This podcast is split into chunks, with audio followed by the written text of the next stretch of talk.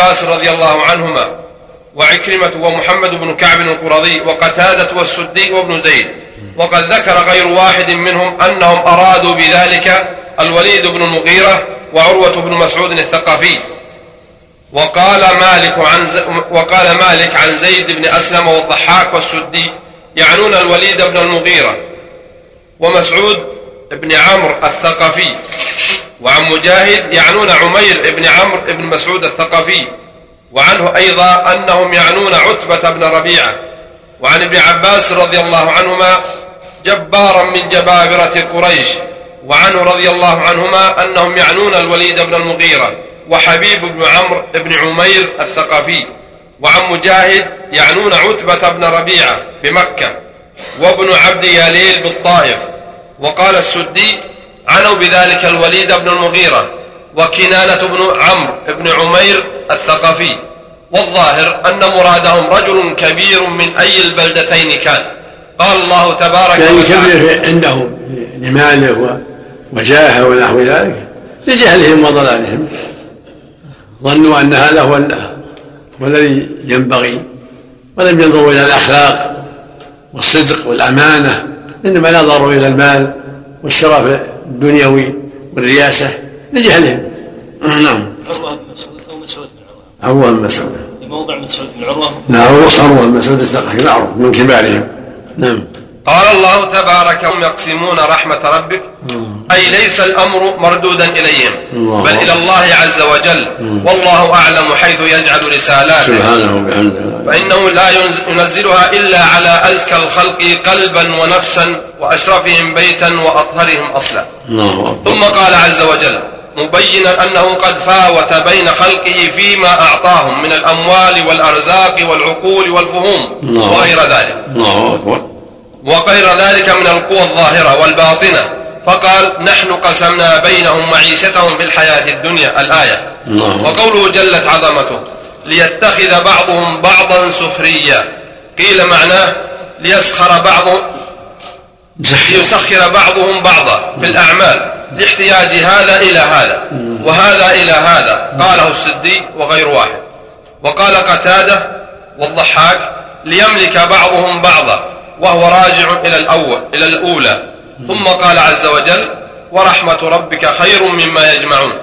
أي رحمة الله بخلقه خير لهم مما بأي- بأيديهم من الأموال ومتاع الحياة الدنيا. ثم قال سبحانه وتعالى ولولا أن يكون الناس أمة واحدة. أي لولا أن يعتقد كثير من الناس الجهلة أن إعطاءنا المال دليل على محبتنا لمن أعطيناه فيجتمعوا على الكفر لأجل المال. هذا معنى قول ابن عباس والحسن وقتادة والسدي وغيرهم لجعلنا لمن يكفر بالرحمن لبيوتهم سقفا من فضة ومعارج. أي سلالم ودرجا من فضة. قاله ابن عباس ومجاهد وقتادة والسدي وابن زيد وغيرهم. عليها يظهرون لولا أن يكون هذا سببا لاجتماعهم على الباطل جعلنا هذا للكفار لأن لا قيمة له. الدنيا لا قيمة لها. لكن لو جعل هذا لأهل الدنيا ومتعوا بهذه الأموال لكفر الناس كلهم. فلله الحكمة سبحانه وتعالى. ولهذا جعلهم طبقات وفاوت بينهم. يبتلي هذا بالفقر وهذا بالغنى وهذا عكس لحكمه بالغة سبحانه وتعالى. وجعلنا بعضكم لبعض فتنه تصبرون. عليها يظهرون أي يصعدون ولبيوتهم أبوابا أي أغلاقا على أبوابهم وسررا عليها يتكئون أي جميع ذلك يكون فضة وزخرفا أي وذهبا قاله ابن عباس وقتادة والسدي وابن زيد. يعني الزخرف من أسماء الذهب. الله المستعان. الله ثم قال تبارك يعني وتعالى لانها لا قيمة لها. ذهب وفضة كل فاني زائل لا قيمة له. لكن لو أعطيناهم الكفار ومتعناهم به وكل من أسلم لا يعطى لكفر الناس. فمن حكمة الله قسم بينهم معيشتهم وجعل بعضهم فوق بعض. هذا غني وهذا فقير وهذا متوسط وهذا كذا وهذا كذا. لحكمة بالغة سبحانه وتعالى نعم. ثم قال تبارك وتعالى وإن كل ذلك لما متاع الحياة الدنيا أي إنما ذلك من الدنيا الفانية الزائلة الحقيرة عند الله إن تعالى. هنا معنى مع وإن كل ذلك يعني ما كل ذلك إلا متاع الحياة يعني ليس له قيمة. كل ذلك لما متاع يعني ما ما كل ذلك إلا متاع الحياة الدنيا. لا لا قيمة له زائل نعم. أن يجعل لهم بحسناتهم التي يعملونها في الدنيا مآكل ومشارب ليوافوا الآخرة وليس لهم عند الله تبارك وتعالى حسنة يجزيهم بها كما ورد به الحديث الصحيح. وورد في حديث آخر لو أن الدنيا تزن عند الله جناح بعوضة ما سقى منها كافرا شربة ماء. أسنده البغوي من رواية زكريا بن منظور. عن ابن حازم عن سهل بن سعد رضي الله عنه عن النبي صلى الله عليه وسلم فذكره. ورواه الطبراني من طريق زمعة بن صالح عن أبي حازم عن سهل بن سعد عن النبي صلى الله عليه وسلم. لو عدلت الدنيا عند الله جناح بعوضة ما أعطى كافرا منها شيئا. ثم قال سبحانه وتعالى والآخرة عند ربك للمتقين. أي هي لهم خاصة. لا يشاركهم فيها أحد غيرهم. لتقواهم لله لما اتقوه وعظموا أمره ونهيه وأطاعوه جعل الجنة لهم والدنيا لا قيمة لها. أنها الله المستعان. نعم. الحديث هذا شيء نحتاج يحتاج تأمل نعم. جمعة ضعيف جمعة من صلاة ضعيف ولكن يحتاج. والذي يغلب بعض لأن لها طرق أخرى جيدة. لو كانت الدنيا تزن عند الله جناح بعوضة ما سقى منها كافر شربة. الله المستعان. نعم. ولهذا لما قال عمر بن الخطاب رضي الله عنه لرسول الله صلى الله عليه وسلم حين صعد إليه في تلك المشربة لما آلى صلى الله عليه وسلم من نسائه فرآه على رمال حصير قد أثر بجنبيه أو بجنبه فابتدرت عيناه بالبكاء وقال يا رسول الله هذا كسرى وقيصر فيما هما فيه وأنت صفوة الله من خلقه وكان رسول الله صلى الله عليه وسلم متكئا فجلس. وقال أو في شك أنت يا ابن الخطاب؟ ثم قال صلى الله عليه وسلم أولئك قوم عجلت لهم طيباتهم في حياتهم الدنيا. وفي رواية أما ترضى أن تكون لهم الدنيا ولنا الآخرة؟ وفي الصحيحين أيضا. وغيرهما أن رسول الله صلى الله عليه وسلم قال لا تشربوا في آنية الذهب والفضة. ولا تأكلوا في صحافها فإنها لهم في الدنيا ولنا في الآخرة. وإنما خولهم الله تعالى في الدنيا لحقارتها.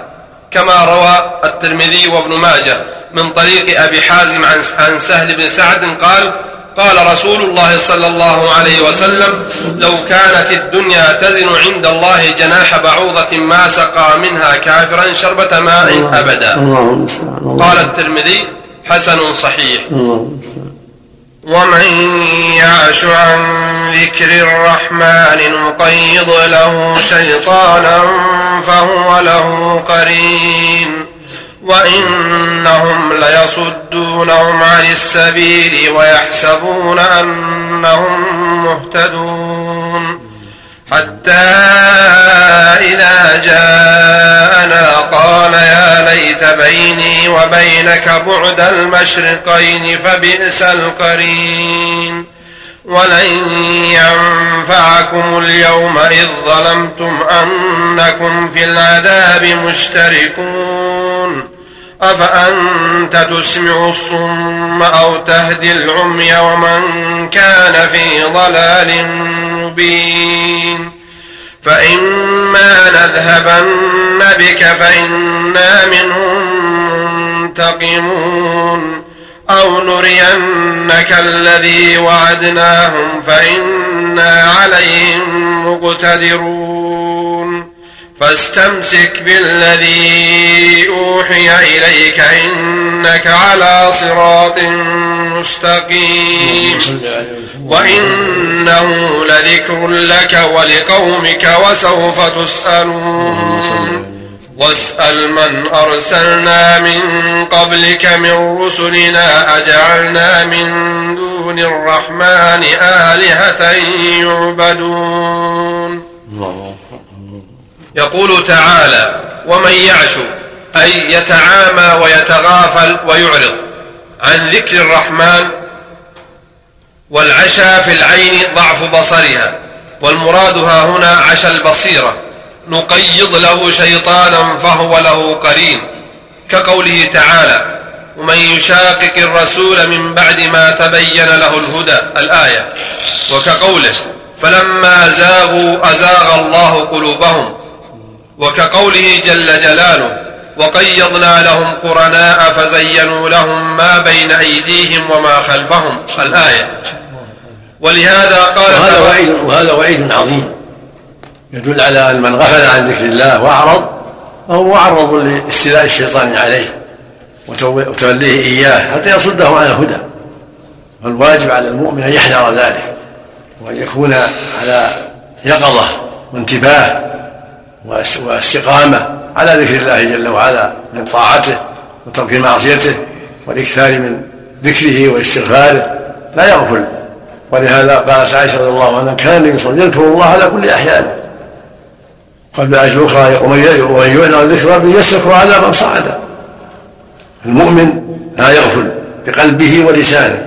قلبه ذاكر ولسانه ذاكر وجوارحه ذاكرة يكون مع الله جل وعلا في جميع الأوقات تارة بقلبه تارة بلسانه تارة بعمله تارة بالجميع لا يغفل. حتى لا يبتلى بالشيطان حتى لا يسلط عليه أعداء الله. ولهذا قال تبارك وتعالى ها هنا وإنهم ليصدونهم عن السبيل ويحسبون أنهم مهتدون حتى إذا جاءنا. أي هذا الذي تغافل عن الهدى. وإنهم يعني الشياطين. عبر بالجمع. لأن الشيطان إشارة لجنس الشيطان. وإذا الشيطان يعني شياطين الإنس والجن. فإذا ويض له الشياطين صدوه عن السبيل صدوه عن الحق. نسأل الله العافية. نعم.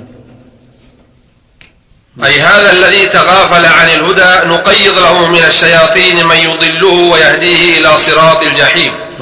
فإذا وافى الله عز وجل يوم القيامة يتبرم بالشيطان الذي وكل به. قال يا ليت بيني وبينك بعد المشرقين فبئس القرين وقرأ بعضهم حتى إذا جاءنا. يعني القرين والمقارن حتى إذا حتى إذا جاءنا. جاءنا. جاء أنا لا بالألف. جاءنا. يعني القرين والمقارن جميعا. القرين والمقارن نعم. حتى إذا جاء يعني القرين والمقارن نعم. قال عبد الرزاق أخبرنا معمر عن سعيد الجريري. قال بلغ بلغنا أن الكافر إذا بعث من قبره يوم القيامة شفع بيديه شيطان فلم يفارقه حتى يصيرهم الله تبارك وتعالى إلى النار. فذلك حين يقول يا ليت بيني وبينك بعد المشرقين فبئس القرين. والمراد بالمشرقين ها هنا هو ما بين المشرق والمغرب. وإنما استعمل ها هنا تغليبا كما كما يقال القمران والعمران. والعمران. والعمران والأبوان. قاله ابن جرير وغيره. ثم قال تعالى ولن ينفعكم اليوم إذ ظلمتم أنكم في العذاب مشتركون. أي لا يغني عنكم اجتماعكم في النار. واشتراككم في العذاب الأليم. وقوله جلت عظمته أفأنت تسمع الصم أو تهدي العمي ومن كان في ضلال مبين؟ أي ليس ذلك إليك إنما عليك البلاغ وليس عليك هداهم. ولكن الله يهدي من يشاء ويضل من يشاء وهو الحكم, الحكم العدل في ذلك. ثم قال تعالى قال تعالى ليس عليك هداهم ولكن الله يهدي من إنك لا تهدي من أحببت ولكن ما عليه البلاغ والبيان. هكذا أتباع الرسل من العلماء والدعاة ليس عليهم إلا البيان والدعوة للحق والنصيحة والوصية. نعم. ثم قال تعالى فإما نذهبن بك فإنا منهم منتقمون. أي لا بد أن ننتقم منهم ونعاقبهم ولو ذهبت ولو ذهبت أنت. أو نرينك الذي وعدناهم فإنا عليهم مقتدرون. أي نحن قادرون على هذا وعلى هذا ولم يقبض الله تعالى رسوله صلى الله عليه وسلم حتى أقر عينه من أعدائه وحكمه في نواصيهم. كما جرى يوم بدر يوم خيبر يوم الأحزاب يوم الفتح والحمد لله ويوم حنين كلها كلها من نصر الله وتأييده. وابتلاهم يوم احد لما له من الحكمة جل وعلا. نعم. وملكه ما تضمنته صياصيهم. هذا معنى قول السدي. واختاره ابن جرير. وقال ابن جرير حدثنا ابن عبد الأعلى. حدثنا أبو ثور عن معمر قال تلا قتادة فإما نذهبن بك فإنا منهم منتقمون. فقال ذهب النبي صلى الله عليه وسلم وبقيت النقمة. ولن يري الله تبارك وتعالى نبيه صلى الله عليه وسلم في أمتي شيئا يكرهه حتى مضى. ولم يكن نبي قط إلا وقد رأى العقوبة في أمته إلا نبيكم صلى الله عليه وسلم. وذكر لنا أن رسول الله صلى الله عليه وسلم أري ما يصيب, أم ما يصيب أمته من بعده فما رؤي ضاحكا منبسطا حتى قبضه الله عز وجل. وذكر من رواية سعيد بن أبي عروبة عن قتادة, عن قتادة نحوه ثم روى ابن جرير عن الحسن عن نحو ذلك أيضا.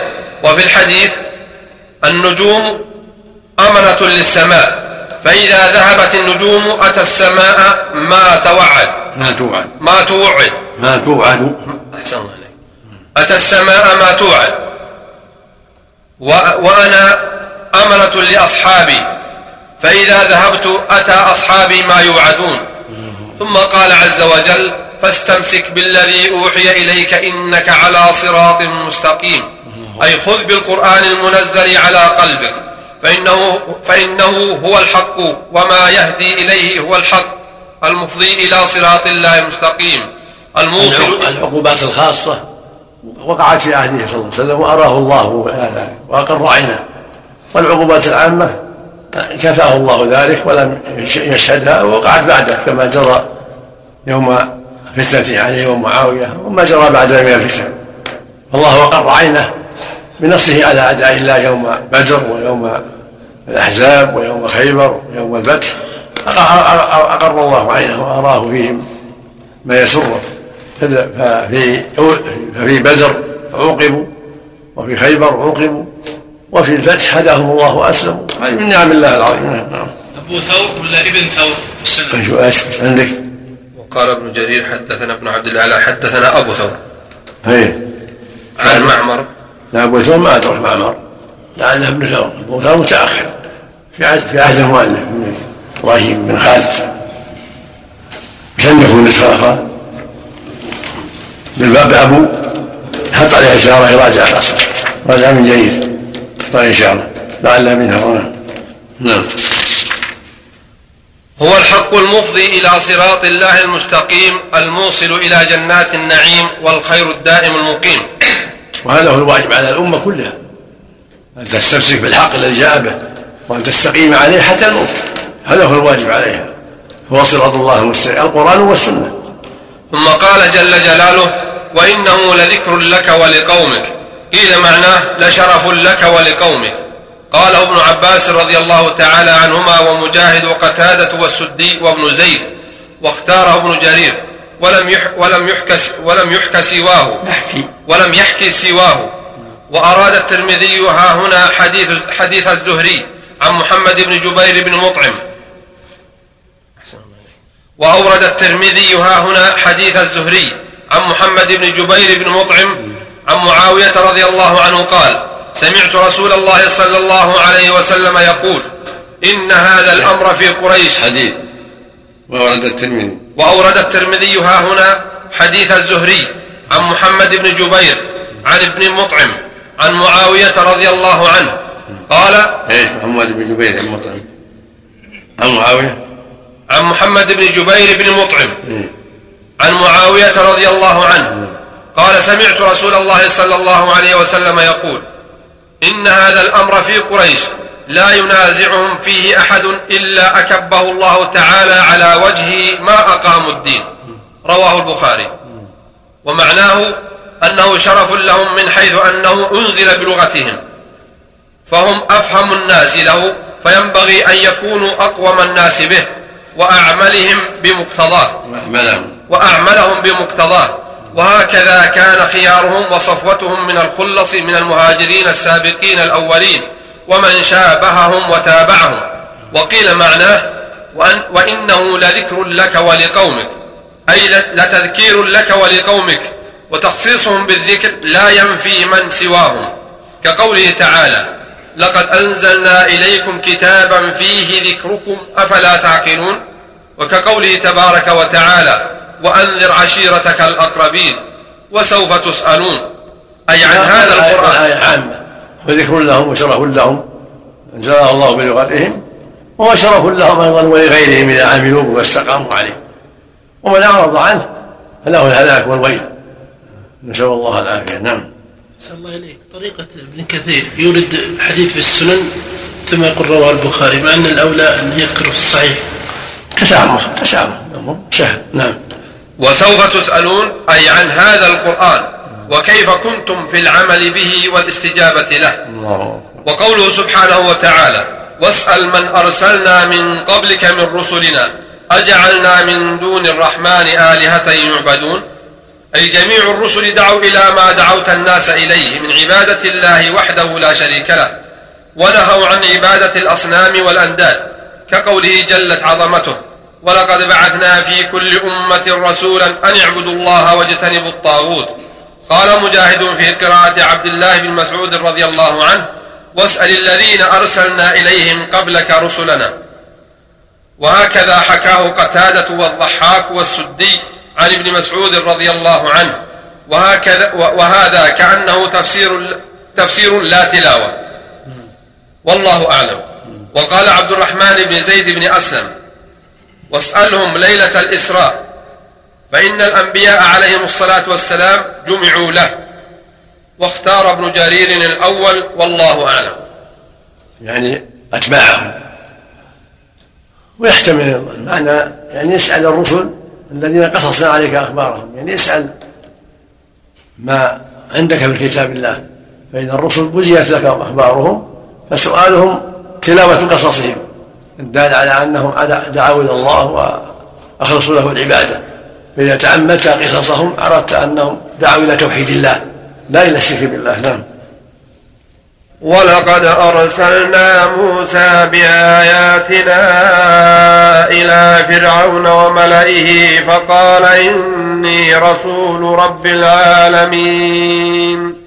فلما جاءهم بآياتنا إذا هم منها يضحكون وما نريهم من آية إلا هي أكبر من أختها وأخذناهم بالعذاب لعلهم يرجعون وقالوا يا أيها الساحر ادع لنا ربك بما عهد عندك إننا لمهتدون فلما كشفنا عنهم العذاب إذا هم ينكثون.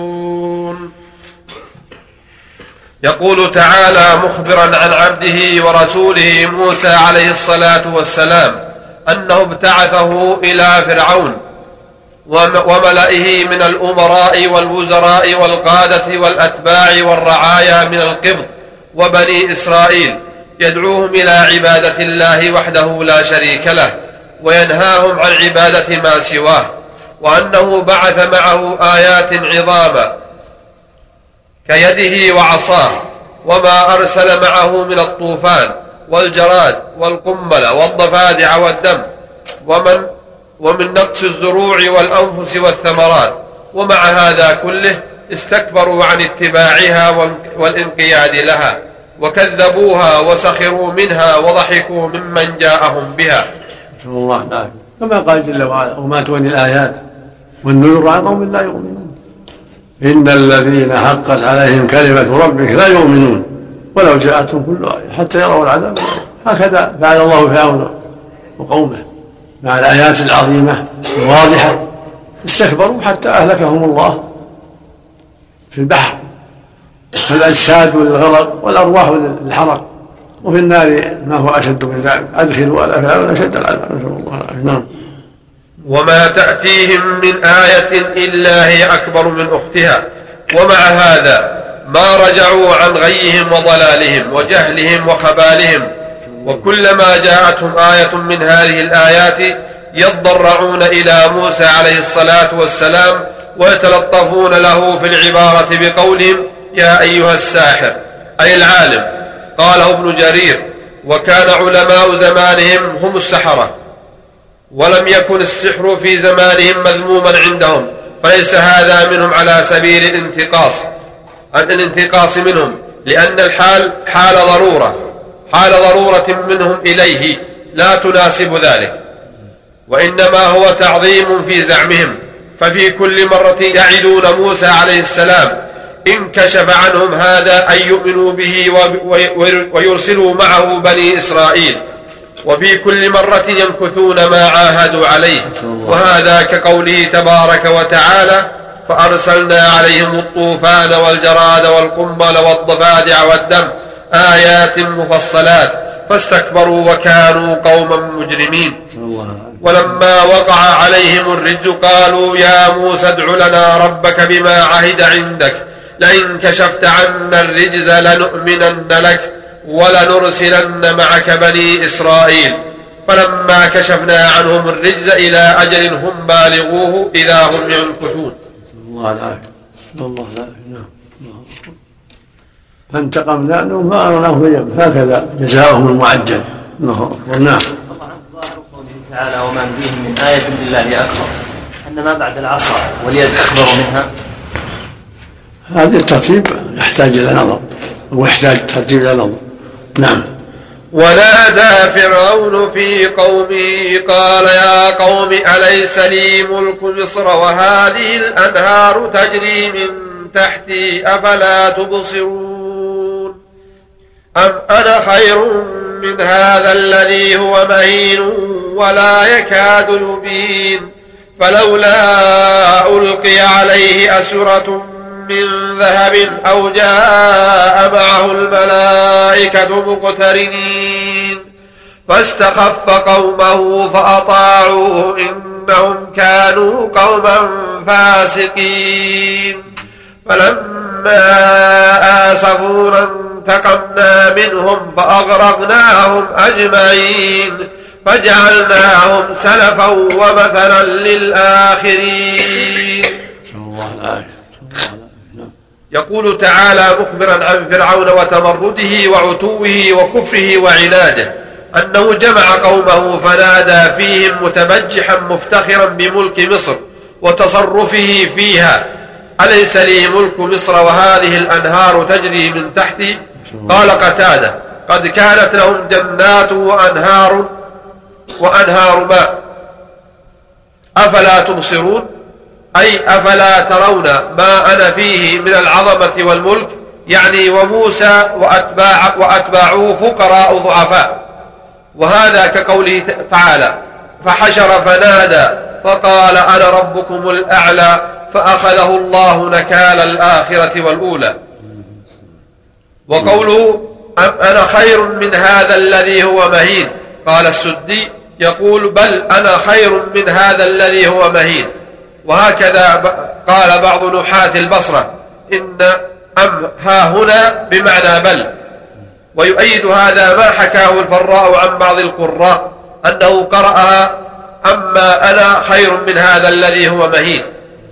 قال ابن جرير ولو صحت هذه القراءة لكان معناها صحيحا واضحا ولكنها خلاف قراءة الأمصار فإنهم قرأوا أم أنا خير من هذا الذي هو مهين على الاستفهام.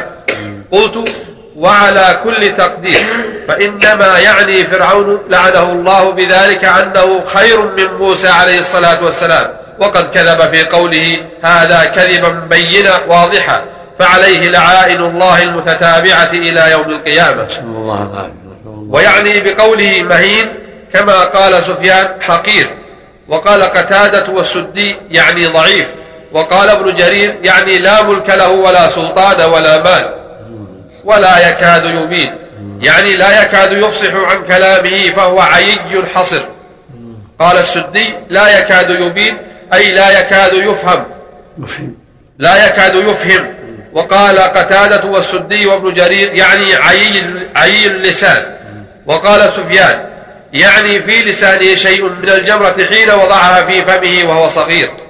وهذا الذي قاله فرعون لعنه الله كذب واختلاق. وإنما حمله على هذا الكفر والعناد.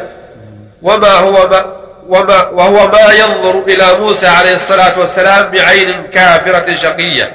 وقد كان موسى عليه السلام من الجلالة والعظمة والبهاء في صورة يبهر أبصار ذوي الألباب. يبهر يبهر. أبصار ذوي الألباب. وقوله مهين الآية الكريمة واحد عقدة من الإنسان كان بناء بعض العقدة حلها الله أعطاه الله سؤله نعم نعم. وقوله مهين كذب بل هو المهين الحقير خلقة وخلقا ودينا. وموسى هو يعني فرعون بل هو المهين. نعم. وموسى هو الشريف الرئيس الصادق البار الراشد. اللهم صل وقوله ولا يكاد يبين افتراء أيضا فإنه وإن كان قد أصاب لسانه في حال صغره شيء من جهة تلك الجمرة فقد سأل الله عز وجل أن يحل عقدة من لسانه ليفقهوا قوله وقد استجاب الله تبارك وتعالى له ذلك في قوله قد أوتيت سؤلك يا موسى. وبتقدير أن يكون قد بقي شيء لم يسأل إزالته كما قاله الحسن البصري وإنما سأل ما يحصل معه الإبلاغ والإفهام. فالأشياء الخلقية التي ليست من فعل العبد لا يعاب بها ولا يذم عليها. وفرعون وإن كان يفهم وله عقل فهو يدري هذا. وإنما أراد الترويج على رعيته فإنهم كانوا جهلة أغبياء. وهكذا قوله فلولا ألقي عليه أسرة من ذهب. وهي ما يجعل في الأيدي من الحلي. قاله ابن عباس رضي الله عنهما وقتادة وغير واحد. أو جاء معه الملائكة مقترنين أي يكترفونه خدمة له ويشهدون بتصديقه. نظر إلى الشكل الظاهر ولم يفهم السر المعنوي الذي هو أظهر مما نظر إليه لو كان يفهم. مع مع ما أعطاه الله من الآيات الباهرات لكنه الجهل والمكابرة. وقد أعطاه الله من الآيات ما ما هو فوق هذا بكثير. وما قيمة الأسرة من الذهب وما قيمة الفصاحة. المنافقون أصح الناس. لكن إنما هو المكابرة والعناد. نسأل الله العافية. نعم. ولهذا قال تعالى فاستخف قومه فأطاعوه. أي استخف عقولهم فدعاهم إلى الضلالة فاستجابوا له. الله إنهم كانوا قوما فاسقين. قال الله تعالى فلما آسفونا انتقمنا منهم فأغرقناهم أجمعين. قال علي بن أبي طلحة عن ابن عباس رضي الله عنهما آسفونا أسخطونا. وقال الضحاك عنه أغضبونا. وهكذا قال ابن عباس أيضا ومجاهد وعكرمة وسعيد بن جبير ومحمد بن كعب القرظي وقتادة والسدي وغيرهم من المفسرين.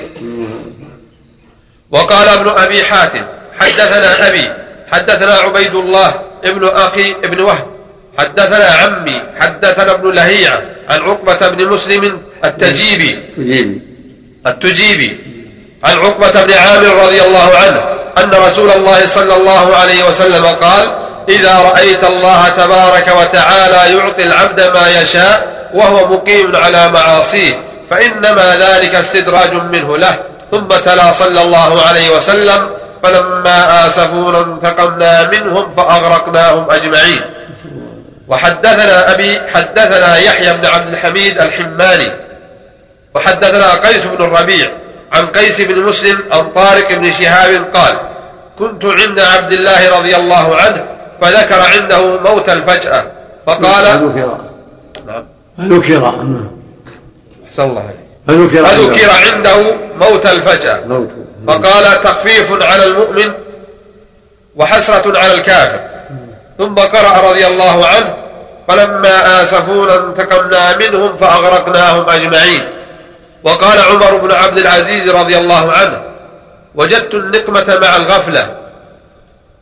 يعني قوله تبارك وتعالى فلما آسفونا انتقمنا منهم فأغرقناهم أجمعين. وقوله سبحانه وتعالى فجعلناهم سلفا ومثلا للآخرين. قال أبو مجلز سلفا لمثل من عمل بع- بعملهم. وقال هو- هو ومجاهد ومثلا أي عبرة لمن بعدهم. والله سبحانه وتعالى الموفق للصواب وإليه المرجع والمآب سبحانه وتعالى لا إله إلا الله لا حول ولا قوة إلا بالله. يملي ولا يغفر املى لهم كثيرا. ثم أخذهم سبحانه أخذ عزيز المقتدر نعم. يجد بعد شيء يعني مثل ما في رحمة للمؤمن حيث سلم من تعب الأمراض والمشقة. نعم. أو جاء مع الملائكة هل هو يؤمن بالملائكة؟ مقتضى هذا أنه يعني إذا حضروا من السماء يدل على صحة ما قال. له ما يؤمن بالله لا يؤمن بالله ولا باليوم الآخر. مكابر. عناد. لكن بس من أجل المكابرة. حدثنا ابن أبي حاتم وش يقول حدثنا ابن حاتم؟ نعم قال ابن أبي حاتم. قال ابن أبي حاتم حدثنا عبيد الله. بدون أبي وذكر أبي. إيش عندك؟ وقال ابن أبي حاتم حدثنا أبي حدثنا عبيد الله بن أخي بن وهب. هذا الصواب. حدثنا أبي حدثنا عبيد الله. صدقوا على ما لعلها أبو عبيد الله. حدثنا أبي إيش بعده؟ حدثنا أبي حدثنا عبيد الله. أي ابن. ابن أبي ابن أخي ابن وهب. وحدثنا عمي يحتاج الله إيش عندكم أنتم؟ حدثنا عبيد الله. ابن؟ ابن أخي ابن وهب. أحمد بن الرحمن. شوف إيش اللي عندك يا أحمد؟ نعم. إيش؟ وقال ابن أبي حاتم حدثنا أبي حدثنا عبيد الله ابن أخي ابن وهب. تقريب إيه. إيه. بالفاء أبو ع- أبو عبيد الله بحشل فتح الموحدة والمعجم بينهما مهمله مهمله ساكنه ابو أبو عبيد الله. أبو عبيد الله. عبد الرحمن بن وهب الفهمي بالفاء أبو عبيد الله بحشل بفتح الموحدة والمعجمة بينهما مهملة ساكنة. بينهما مهملة ساكنة. المقري عن عمه عبد الله. مهملة؟ اي أحمد بن عبيد أحمد. بن عبد الرحمن بن وهب الفهمي بالفاء أبو عبيد الله بحشل بفتح الموحدة والمعجمة. بينهما ساكنة. مهملة. بينهما هاء ساكنة مو مهملة. هاء بحشا. لكن مهملة. هاء ساكنة. بحشل بالحاء طيب. اللي عندك حدثنا إيش؟ وقال ابن أبي حاتم حدثنا أبي حدثنا عبيد الله ابن أخي ابن وهب. لعل أبو عبيد الله. اللي عن أحمد بن عبد الرحمن كنيته أبو عبيد الله. سقط ابو كلكم عندكم أبو؟ نعم. ها؟ كلنا عندك عندك السابق أبو عبيد الله هذا الصواب أبو عبيد الله نعم صلى الله عليه قال أبو يونس لا تقوم به الحجة في اي شيء؟ إيه. أبو عبيد الله إيش قال التقريب؟ قال عن عمه عبد الله وبشر بن بكر بكر. بكر. وبشر بن بكر. والسافقي وعنه مسلم واتقه محمد بن عبد الله بن عبد الحكم وعبد الملك بن شعيب وقال ابن يونس لا تقوم به الحجة توفي سنة 64 و200 رمز له مسلم. لا بأس. به والابو يونس لا يعمل به. هذا ولا يعمل به. نعم قال التقريب احمد بن عبد الرحمن بن وهب بن مسلم المصري لقبه بحشا بفتح الموحده وسكون المهملة بعدها شيء معجم ركن ابا عبيد الله صدوق تغير بآخره. من الحادي عشر مات سنة 64 مسلم. مم، طيب. ولما ضرب ابن مريم مثلا إذا قومك منه يصدون وقالوا أآلهتنا خير أم هو ما ضربوه لك إلا جدلا بل هم قوم خصمون. إن هو إلا عبد أنعمنا عليه وجعلناه مثلا لبني إسرائيل. ولو نشاء لجعلنا منكم ملائكة في الأرض يخلفون. وإنه لعلم للساعة فلا تمترن بها واتبعون هذا صراط مستقيم ولا يصدنكم الشيطان إنه لكم عدو مبين ولما جاء عيسى بالبينات قال قد جئتكم بالحكمة ولأبين لكم بعض الذي تختلفون ولأبين لكم بعض الذي تختلفون فيه فاتقوا الله وأطيعون إن الله هو ربي وربكم فاعبدوه هذا صراط مستقيم فاختلف الأحزاب من بينهم فويل للذين ظلموا من عذاب يوم أليم يقول تعالى مخبرا عن تعنت قريش في كفرهم وتعمدهم العناد والجدل ولما ضرب ابن مريم مثلا إذا قومك منه يصدون. قال غير واحد عن ابن عباس رضي الله عنهما ومجاهد وعكرمة والسدي والضحاك يضحكون أي أعجبوا بذلك. وقال قتادة يجزعون ويضحكون. وقال إبراهيم النخعي يعرضون. وكأن السبب في ذلك ما ذكره محمد بن إسحاق في السيرة. حيث قال وجلس رسول الله صلى الله عليه وسلم فيما بلغني يوما مع الوليد بن المغيرة في المسجد فجاء النضر بن الحارث حتى جلس معهم وفي المجلس غير واحد من رجال قريش. فتكلم رسول الله صلى الله عليه وسلم فعرض له النضر بن الحارث فكلمه رسول الله صلى الله عليه وسلم حتى أفحمه ثم تلا عليه وعليهم إنكم وما تعبدون من دون الله حصب جهنم أنتم لها واردون الآيات. ثم قام رسول الله صلى الله عليه وسلم وأقبل عبد الله بن الزبارة التميمي حتى جلس فقال الوليد بن المغيرة له والله ما قام النضر بن الحارث لابن عبد المطلب وما قعد. وقد زعم محمد أنا وما نعبد من آلهتنا هذه حصب جهنم. فقال عبد الله بن الزبارة أما والله لو وجدته لخصمته. سلوا محمدا أكل ما يعبد من دون الله في جهنم مع من عبده؟ فنحن نعبد الملائكة واليهود تعبد عزيرا والنصارى تعبد المسيح عيسى بن مريم. فعجب الوليد ومن كان معه في المجلس من قول عبد الله بن الزبارة ورأوا أنه قد احتج وخاصم. فذكر ذلك لرسول الله صلى الله عليه وسلم.